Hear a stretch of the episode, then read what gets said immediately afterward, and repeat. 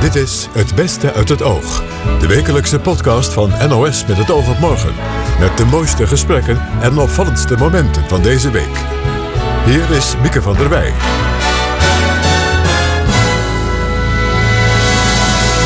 Hartelijk welkom bij Het Beste uit het Oog. Met de mooiste gesprekken van de afgelopen week. Die hebben we op een rij gezet. Bijvoorbeeld het vastgelopen vrachtschip bij Mauritius.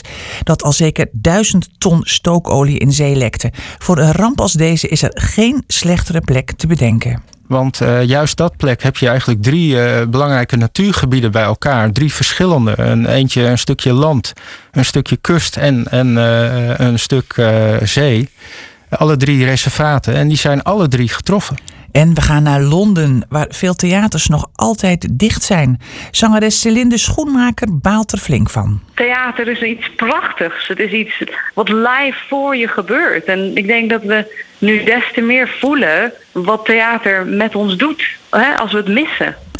Maar we beginnen met het slavenregister van Curaçao, dat sinds maandag online te vinden is. Ik sprak er de dag voor de openbaarmaking over met presentatrice Miluska Meulens en met Koen van Galen. Hij is historicus aan de Radboud Universiteit en projectleider van dit onderzoek. Je moet bedenken, deze database die nu online komt bestaat eigenlijk uit twee delen. Dat is het eigenlijke slavenregister. Vanaf de ongeveer 1839 heeft de overheid gezegd van iedereen die in slavernij leeft en in eigendom is van een particuliere slaafeigenaar, die uh, moet geregistreerd worden en die moet eigenlijk van dag tot dag te volgen zijn. En dat is volgehouden tot 1 juli 1863. En toen zijn uh, over die hele periode zijn al die mensen dus geregistreerd. En die informatie is ook compleet bewaard gebleven. Ja. En, en daarnaast is er nog een, een apart deel. En dat is het zogenaamde emancipatieregister. En dat is de informatie over de achternamen die de mensen kregen. Die in 1863 vrijkwamen. Ja. Want die hadden namelijk voor die tijd geen achternaam. Want mensen in slavernij mochten geen achternaam hebben. Ja. Miluska Meulens, uh, jij stamt af van tot slaafgemaakte. Ja? Hoe belangrijk is dat voor jou en je familie dat deze informatie nu online komt? Nou ja, het, het, zal op de wereldgeschiedenis uh, niet een hele grote impact hebben. Nee, maar, voor jou? In het persoonlijk leven, ja. ja. in het persoonlijk leven van mensen, van mij, van mijn familie, maar ik denk van een heleboel uh, mensen, is het toch wel heel groot. Heel, heel belangrijk. Weet je, we hebben het er nu al een paar minuten over en ik verbaas me over het, de, de vanzelfsprekendheid of het gemak eigenlijk waarmee we de terminologie ook gebruiken. Hè? Uh, slaven, uh, eigenaren, uh, familienamen. Die, het, het, is, het lijkt zo gewoon, maar het is helemaal niet heel erg lang geleden dat dat een, een hele nou ja, gruwelijke tijd was. Ja. En dat, dat zijn mijn voorouders waar het over gaat. Ja. Dus ja, als ik een, uh, een stapje dichterbij kan komen bij het ontdekken wie die mensen waren en, en waar ik vandaan kom, dan uh, is dat wel groot. Ja, ik vind ja. het enorm spannend. Nee, ik, ik snap heel goed wat je bedoelt, maar het is natuurlijk tegelijkertijd ook gewoon een onderzoeksobject. Toch, meneer Vergalen? Um, nou, dit nou is ja, nooit een normaal een, gewoon onderzoeksproject. Nee, uh, niet. Je moet bedenken, okay. we hebben eigenlijk vanaf het begin af aan gezegd van... Uh, ik heb hiervoor heb ik ook gewerkt aan, samen met collega's in Suriname. Gewerkt aan de Surinaamse slavenregisters. En we hebben eigenlijk vanaf het begin af aan gezegd... ja, we willen onderzoek doen. We willen snappen hoe de slavernij het leven van deze mensen heeft beïnvloed. Maar dit is zulk uh, relevant materiaal voor hmm. de samenleving. Dat we ook willen dat het meteen aan het begin van het project al voor iedereen beschikbaar komt. Daarom hebben we ook eerst gezorgd dat het gepubliceerd werd online en zijn daarna met een onderzoeksproject ja. begonnen. Ik snap het. Is het voor ja. u dan ook emotioneel, meneer Van Galen? Net zoals voor Milouska Meulens? Um, dat vind ik een hele uh, uh, lastig. Het antwoord is eigenlijk toch wel uh, ja. En het komt eigenlijk vooral door de ik heb heel veel mensen gesproken en ook heel veel mensen geholpen om, om te zoeken in die registers. Mm -hmm. Je moet er altijd even inkomen. Zo, het zijn natuurlijk historische bronnen. Uh, maar ik merk elke keer weer hoe emotioneel het is om je eigen familieleden terug te vinden ja. voor 1863. Omdat voor heel veel mensen ja. is die periode daarvoor bijna mythisch. Mensen weten niet precies wat ja. daar gespeeld heeft. En nu opeens heb je bewijs dat die mensen echt hebben bestaan. En dat is voor heel veel mensen Terecht, denk ik. Ja, Echt Miluska- een, een emotionele Ja. ontmoeting. Eh, Ja, Miluska, en ook, het ja? is ook gewoon onze, onze gezamenlijke geschiedenis. Hè? Het Ja. is niet alleen maar een emotionele geschiedenis voor zwarte mensen. Het is ook de Nederlandse geschiedenis. En daar kan je ook emotioneel van zijn. Ook al zijn Ja. jouw voorouders geen slaafgemaakten geweest. Maar weet- jouw voorouders zijn misschien, misschien, of heel waarschijnlijk, dat weet ik niet eens, eh, wel eigenaren geweest. Nou, bij Of mij zit je binnen twee generaties op de boeren, hoor. dus ik denk niet dat Nou die... ja, of. eh, eh, ik weet Nee. niet wat, wat de rangen en standen Nee. in die tijden waren. Maar in ieder geval. ehm, en, en van jouw familie kan je tot vele generaties Ja. teruggaan. Van mijn familie houdt het op bij de grootouders van mijn grootouders. Of eigenlijk al bij de ouders van mijn grootouders. En daarvoor. We weten het niet. Wat en, weet en je dat wel? daar nu Ja. gewoon iets meer licht Ja. op kan komen, dat is eh, nou ja, onwaarschijnlijk eh, eh, Ja. belangrijk. Wat weet jij ondertussen wel van je eigen familiegeschiedenis? Nou, beetjes. Ehm, het is natuurlijk dit jaar een, een heel, ehm, ehm, nou ja, hoe zeg je dat? Impactvol jaar. Een, een, een belangrijk jaar met eh, de Black Lives Matter beweging die heel veel aandacht krijgt. Maar daardoor ook al die eh, omringende onderwerpen waar het raakvlakken mee heeft. En sowieso waren musea in Nederland al langer bezig met decoloniseren. We zijn onze taal aan het decoloniseren. Niemand praat meer, of tenminste niemand. We willen niet meer praten over de Gouden Eeuw. Want eh, het was helemaal niet voor heel veel mensen een Gouden Eeuw. En... ehm, Maar wat ben je te, te dus weten gekomen in- in over je eigen jaar, familie? Dit jaar zijn we er wel meer over gaan praten. Mijn broer is ook een, eh, een DNA-test gaan Ah. doen om te weten van, nou ja, we weten het misschien tot de boten, maar wat gebeurde daarvoor? Mhm. Waar komen we vandaan? En ik heb met mijn moeder gesproken en eh, ik hoorde dit jaar voor het eerst dat de vader van haar moeder een eigenaar was, een, een witte eh, Joodse man. En die heeft naast zijn eigen vrouw een, een zwarte vrouw ehm, zwanger gemaakt. En ehm, ja, daar komt eh, mijn moeder uit voort, weet je wel. Dat, Dus ehm, dat ligt al misschien al wel gevoelig, of niet? het is heel wrang, het is heel eh, dubbel en, en heel emotioneel inderdaad. Want ehm, aan de ene kant is daar trots over wat haar één kant van haar familie bereikt heeft. Aan de andere kant, het is een zwarte vrouw. En dan kijk ik naar haar en dan denk ik van ja, ehm, wat voor man is dat geweest die een vrouw in eigendom had en die daarmee naar bed is gegaan en daar een kind bij heeft gemaakt. Dat, Ja. Wat is dat voor situatie geweest? Dat kan niet heel romantisch zijn geweest. Amerika dan. Met nog ruim twee maanden tot de presidentsverkiezingen is de campagne daar in volle gang. Tijdens de Democratische Partijconventie deze week haalden de Democraten alles uit de kast om president Trump te verslaan. Oud-Kamerlid Mark Verheijen van de VVD vraagt zich af of dat gaat lukken. Aan Wilfried de Jong vertelde hij over de reis die hij maakte door Amerika. En het viel hem op, vooral hoe verdeeld het land is.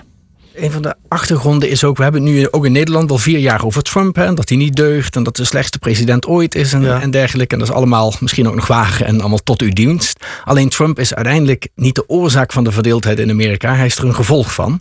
En eh, het, het loont zich toch wel om af en toe even wat specifieker te kijken van wat gebeurt daar nou precies. Ja. En heb je daarom ook veel Trump-stemmers gesproken onderweg? Heb je ze bewust opgezocht? Of kwam, Ja, eh, nee, ik ja? heb eh, gekeken. Ik heb ook eh, niet eh, voor de hotels gekozen, maar voor de Airbnb's. Nog een beetje inderdaad op internet af en toe gekeken van, eh, zouden het echt wel Trump-stemmers zijn?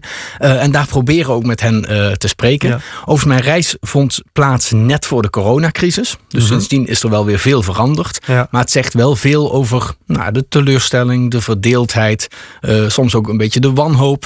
En ik heb daar ook dingen gezien. eh, ik noem altijd Wheeling, West Virginia. Dat is echt zo'n oud industriestadje. Nou, het is echt wel een van de meest trieste dingen die ik in de westerse wereld ooit gezien heb. Wat was er triest dan? Eh, nou ja, de, de industrie helemaal vervallen, verlaten. Echt, ja, dat hadden wij in de jaren 50 in Nederland al lang afgebroken. Dat Ja. stond er allemaal nog. En gewoon ook op straat. Ehm, geen jonge mensen, ehm, eh, geen winkels die open waren. Echt zo'n ja, zo'n stadje waar, waar je echt denkt van ja, je snapt als je hier zit dat je je ook afkeert van de politiek. Ja. En misschien als er dan iemand als Trump opstaat, denkt van nou, ik zal het dus proberen. Misschien, eh, misschien maakt hij het verschil. Ja. Goed, nou, nou is die democratische conventie bezig. Zou je denken, oké, de democraten weten het nu wel dat Trump er is. Eh, eh, nu moeten zij het heft in handen zien te nemen. Ja, dat is deze week inderdaad wel heel spannend. Ik, ik zeg altijd, al onze verontwaardiging voor Trump is eh, terecht. Maar laten we een deel van onze verontwaardiging ook uh, bewaren voor de Democraten. Dat is toch een partij die het de afgelopen vier jaar niet is gelukt om met een eigen nieuw verhaal te komen. Elke dag het enige wat die partij bond was dat ze tegen Trump waren. Maar echt een eigen toekomstgericht verhaal. Ook leren van hun eigen fouten uit het verleden. Hè, rondom handelsverdragen, rondom immigratie. Juist die dat soort mensen in die uh, Rust Belt zo teleur, uh, hebben teleurgesteld. En echt met een eenduidig verhaal zijn ze niet gekomen. Ze zijn onderling verdeeld. Um, en ze hebben ook nog, ja, teren ze toch nog steeds op oude dynastieën, oude, oude gezichten, oude mensen. Ja. Uh, en want, want, want die conventie is nu, is nu bezig, vanavond de tweede avond. Hè? Wat, ja. wat is de sfeer daar? Is, de, is er een agressieve sfeer? Is er een gelaten sfeer? Is het, wat is het? Nou, het is eigenlijk heel vreselijk. Er is geen sfeer. geen sfeer? nee, dat is nog het nee, ergste. Het is wat online ook. Ja, het moet, is online. En uh, een van de mooie dingen van die conventies. Vroeger werd daar ook echt gedeeld over de, de presidentskandidaat. Nou, de laatste decennia wordt dat in de voorverkiezingen allemaal uh, besloten. Um, maar toch in het verleden was dat ook gewoon een, een toonbeeld van eenheid en, en, en, die sfeer in die zaal. Hè. Kijk hoe lang het publiek applaudisseert. Nou, nu vindt de Democratische Conventie virtueel plaats. Dus het zijn allemaal soort uh, Zoom-gesprekken of soort uh, uh, filmpjes van tevoren vaak ook opgenomen. Dus daar zit geen enkele sfeer in. Nee. dus het is voor hen ook wel heel moeilijk in deze omstandigheid om echt goede sfeer te maken. Om echt gewoon te laten zien van kijk eens wat een eenheid we zijn. En niet alleen maar ook uh, uh, alleen maar anti-Trump te zijn, maar ook gewoon hun eigen verhaal neer te ja. zetten. En dan van Amerika naar het Oost-Afrikaanse Mauritius. De regering van het eiland wil het wrak van het vastgelopen en in tweeën gebroken vrachtschip ter plekke laten afzinken. Koen Verbraak sprak met Kenneth Rijsdijk. Hij is fysisch geograaf van de Universiteit van Amsterdam. Hij kent het eiland goed. Ja, ik heb een, uh, een periode lang met een, uh, met een groot team uh, hebben daar onderzoek gedaan naar die resten van een dodo, massagraf. dat zich op dat eiland bevond. de dodo was een grote loopvogel, een duif. De grootste duif die geleefd heeft op aarde. En uitgestorven tijdens eigenlijk 400 jaar geleden. Ja, en wij ontdekten heel toevallig een massagraf in 2005. Een massagraf? Ja, van, uh, van dodo-botten. Oh ja? Dus, uh, en andere uh, dieren die, die grotendeels ook uitgestorven zijn. Die zijn daar allemaal op één plek overleden? Ja, klopt. En het bijzondere heeft zo'n eiland, daar ontwikkelen zich diersoorten die uniek zijn op de wereld. Omdat ze alleen maar op, dat, op zo'n eiland kunnen bestaan. En vandaar dus dat die natuur op zo'n eiland heel erg kwetsbaar is. Ja, als u nou foto's en, en, en filmbeelden ziet van het gigantische schip hè, in twee delen. Ja. In dat prachtige helderblauwe water. Wat, wat, hoe, is dat voor u? Ja, het is ongelooflijk. Maar dat schip had eigenlijk geen slechtere plek uh, kunnen kiezen. Want uh, juist dat plek heb je eigenlijk drie uh, belangrijke natuurgebieden bij elkaar. Drie verschillende. Een, eentje een stukje land, een stukje kust en, en een stuk zee. Alle drie reservaten. En die zijn alle drie getroffen. Dus dat is echt ongelooflijk. Iedere andere plek. Er is maar één andere plek die nog slechter zou kunnen zijn. En, voor de rest had hij, is... uh, had hij minder kwaad kunnen en doen. Welke, welke plek was nog erger geweest? Nou, dat is uh, ten noorden van het eiland Mauritius heb je een ander klein eiland. Dat heet Round Island. En daar hebben ze, dat is een, een ja, iconisch voorbeeld van natuurbeschermingssucces. Waarin ze een aantal soorten die bijna zijn uitgestorven hebben kunnen revitaliseren. Maar Ile Secret, het eilandje wat wel getroffen is, daar hebben ze eigenlijk, dat is het tweede prachtige voorbeeld. En dat is uh, dus wel uh, deels besmeurd met, uh, met olie. En nou is het plan om het schip daar te laten zinken. Om het op ja. de zeebodem te laten rusten tot in de eeuwigheid, zullen we maar zeggen. wat is daar eigenlijk op tegen? Nou ja, het, uh, het is, ik denk uh, Greenpeace maakt, dat, maakt zeer ernstig bezwaar tegen. En ik kan me dat heel goed inbeelden. Er zitten allerlei giftige stoffen en, op, op zo'n schip die dan in de loop van de tijd vrij kunnen komen. Ik heb contact gehad met mensen in Mauritius en ze vertelden mij dat het idee is om acht kilometer uit de kust op twee kilometer diepte hè, dat schip te dan laten afzinken. Dan ligt het twee kilometer diep. Maar de stroming op die diepte kan heel complex zijn. En het, kan, het zou zomaar kunnen zijn dat er nog jaren stoffen vrijkomen in oplossing. En dat de lokale natuur daar getroffen wordt. Of dat het misschien zelfs naar hogere ondieptes kan bereiken. En toch weer de kust kan bereiken. Dus dat is inderdaad, daar wordt met argusogen naar gekeken. Mauritius is een van de meest afgezonderde plekken ter wereld. Ja. Madagaskar ligt nog het dichtst bij, maar dat is ook al, geloof ik, 900 kilometer daar vandaan. Ja. Ja. Dus, de, dus de vraag is ook, waar moet je dan heen met dat wrak? Nou, ik vind dat ook een terechte vraag. Want uh, Mauritius is natuurlijk ook niet het rijkste land ter wereld. Dus het is uh, ook wel heel makkelijk om te zeggen van nou, dit is een uh, slechte oplossing. Uh, uh, een oplossing zou kunnen zijn het schip uh, brengen naar Afrika of naar India. Uh, maar dan heb je het over duizend, duizenden kilometers verslepen.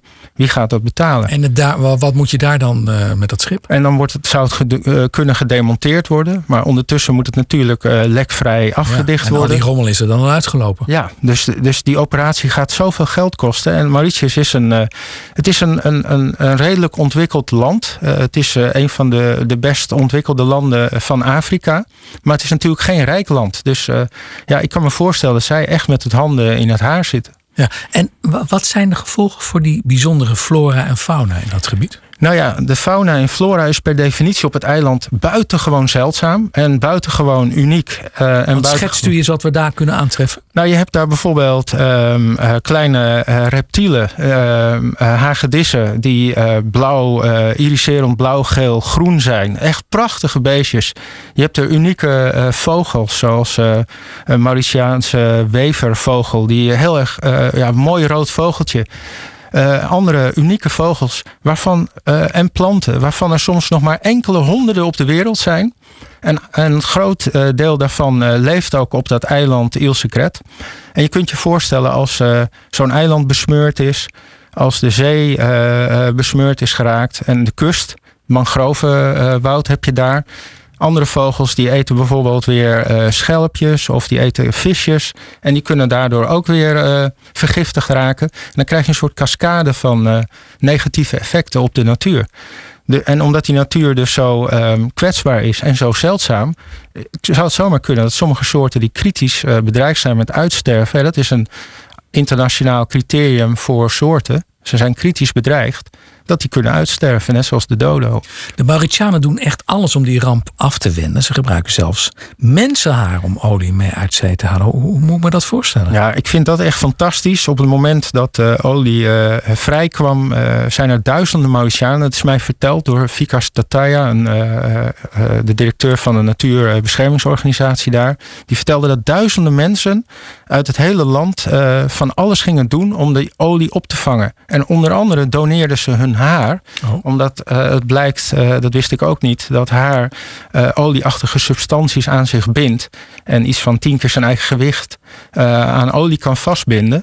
En dan maken ze zogenaamde booms. Dat zijn drijvende, ja, ehm, zeg maar platformpjes die het olie binnen. U wijst het ook heel mooi aan in de lucht, hè? Zo, Precies. U, u, uw handen bijna oh, ja. anderhalve meter aan beide kanten, ja, bij wijze van spreken. Nee, maar dat zijn inderdaad langwerpige, zeg maar, drijvende buizen die dat olie dan vast uh, kunnen houden en binnen een bepaald gebied houden, zodat het niet nog meer naar de kust stroomt of uh, in kwetsbare lagunes terechtkomt. En, en dat werkt dus? En dat werkt, ja. ik heb begrepen dat de resultaten wel gelukkig positief zijn. Er wordt ontzettend veel hulp geboden over de hele wereld. En wat zegt dat over die Mauritianen? Het is wel bijzonder. Absoluut. Nou, uh, ik kan u vertellen dat Mauritianen ook uh, een buitengewoon uh, ja, positieve instelling hebben en heel erg ondernemend zijn.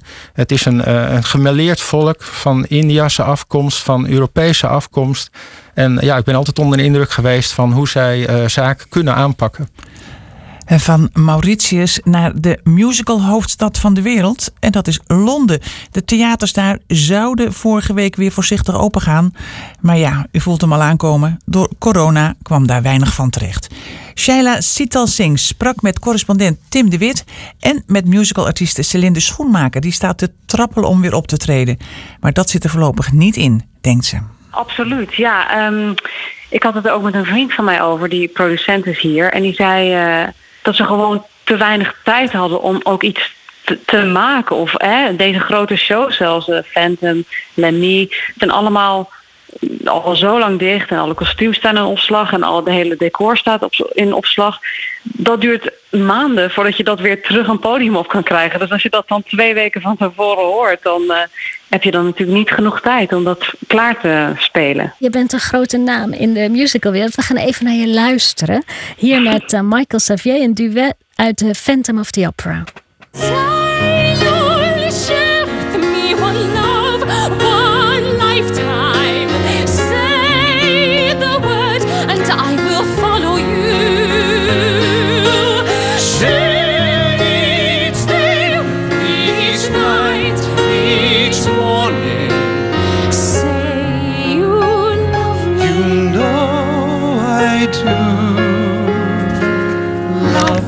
Klinkt wel heel mooi. Oh. Zing je nog wel ergens, Celinde? Of zing je al maanden niet meer? Nou, ik heb echt maanden niet gezongen. En toevallig ben ik er weer een maand geleden mee begonnen. Hè, met een beetje oefeningen. En uh, je merkt dan toch, ik ben al jaren bijna elke dag aan het zingen. En ineens dan maanden niet. En dan merk je toch van, jeetje, het is alsof, alsof je weer naar de sportschool moet na uh, een half jaar geen gewicht te hebben op, op de tillen. Dus ik ben nu weer bezig met alles een beetje in de stemming krijgen. En uh, mijn vriend is ook een acteur, muzikant, dus we zingen samen onze eigen nummers. Maar dat wat je net hoorde, dat is klassiek, klassieker, dus een beetje legit, zo heet dat. En dat vergt gewoon heel veel onderhoud. Maar dat zing je niet makkelijk in een flat in Londen met buren en dat soort dingen. Dat kan ik me voorstellen. correspondent Tim de Wit, uh, goedenavond. Goedenavond. Begin juli leek er dus nog een beetje hoop voor de theaters. Uh, ze zouden uh, dit weekend open kunnen.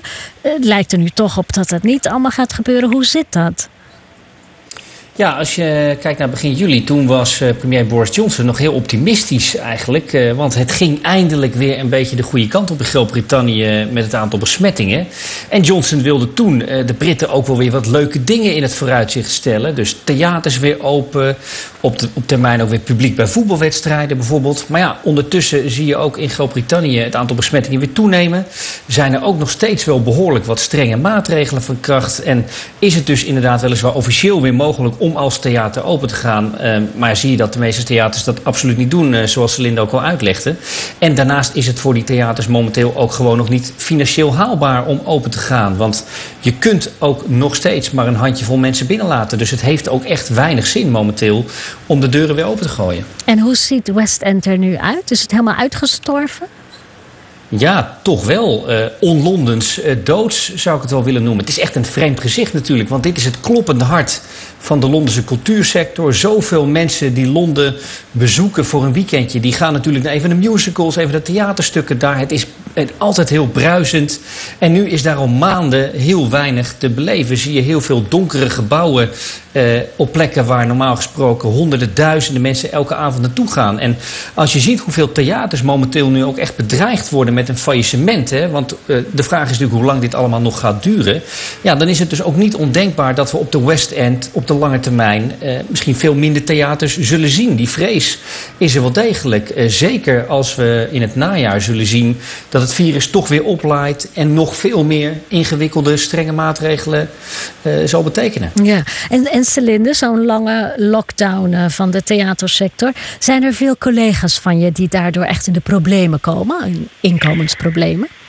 Ja, ja, absoluut. Uh, ja, het is natuurlijk ook geen goedkope stad om in te wonen. Londen is echt uh, zo duur uh, qua huizing. En heel veel vrienden van mij die zijn naar hun ouders gegaan, die hebben een huur opgezegd. Um, ja, het is heel verdrietig om te zien. En heel veel mensen die ook natuurlijk dan maar eens gaan nadenken over wat ze ernaast kunnen gaan doen. En dat voelt een beetje als een defeat. En dat is heel moeilijk om uit te leggen. Maar als je acteur, als acteur wil je altijd eh, aan het acteren zijn. Je wil altijd bezig zijn met het vak waar je zo hard voor hebt gewerkt en waar je voor hebt gestudeerd. En dan voelt het een beetje, ondanks dat het corona is en je er niks aan kan doen, merk ik heel erg dat mensen het als een ja, van ja, wat moet ik nu doen? Weet je wel, dan ga ik maar dit doen, eventjes. Maar wellicht wordt dat dit eventjes dan toch langer dan je denkt. En dat is, dat is uh, heel lastig. En wat dat betreft zijn mijn vriend en ik, mijn partner en ik, zijn in een hele luxe, tussen aanhalingstekens, positie. Dat we dat niet hoeven doen. Um, maar je merkt nu heel erg dat mensen op korte termijn eens denken aan concerten. Uh, Jesus Christ Superstar is toevallig gisteren uh, geopend in Regent's Park. Helemaal socially distant. Uh, en dan staan mensen dus echt tijdens de de tag, als je al het licht gaat zetten, moet iedereen drie meter uit elkaar staan. Met een stok wordt dat gemeten. En ze hebben dus ook volgens mij elke avond kunnen ze 350 man, kan er dan nu in. Normaal volgens mij 1200 of zoiets. En dan nu een heel stuk minder. Maar dat was blijkbaar heel speciaal en heel mooi en heel emotioneel. Want theater is iets prachtigs. Het is iets wat live voor je gebeurt. En ik denk dat we nu des te meer voelen wat theater met ons doet hè, als we het missen. Tja, nou, dat was de, de, podcast. Hartelijk dank voor het luisteren. Volgende week dan staat er weer een nieuwe podcast klaar in uw favoriete podcast-app. Dag.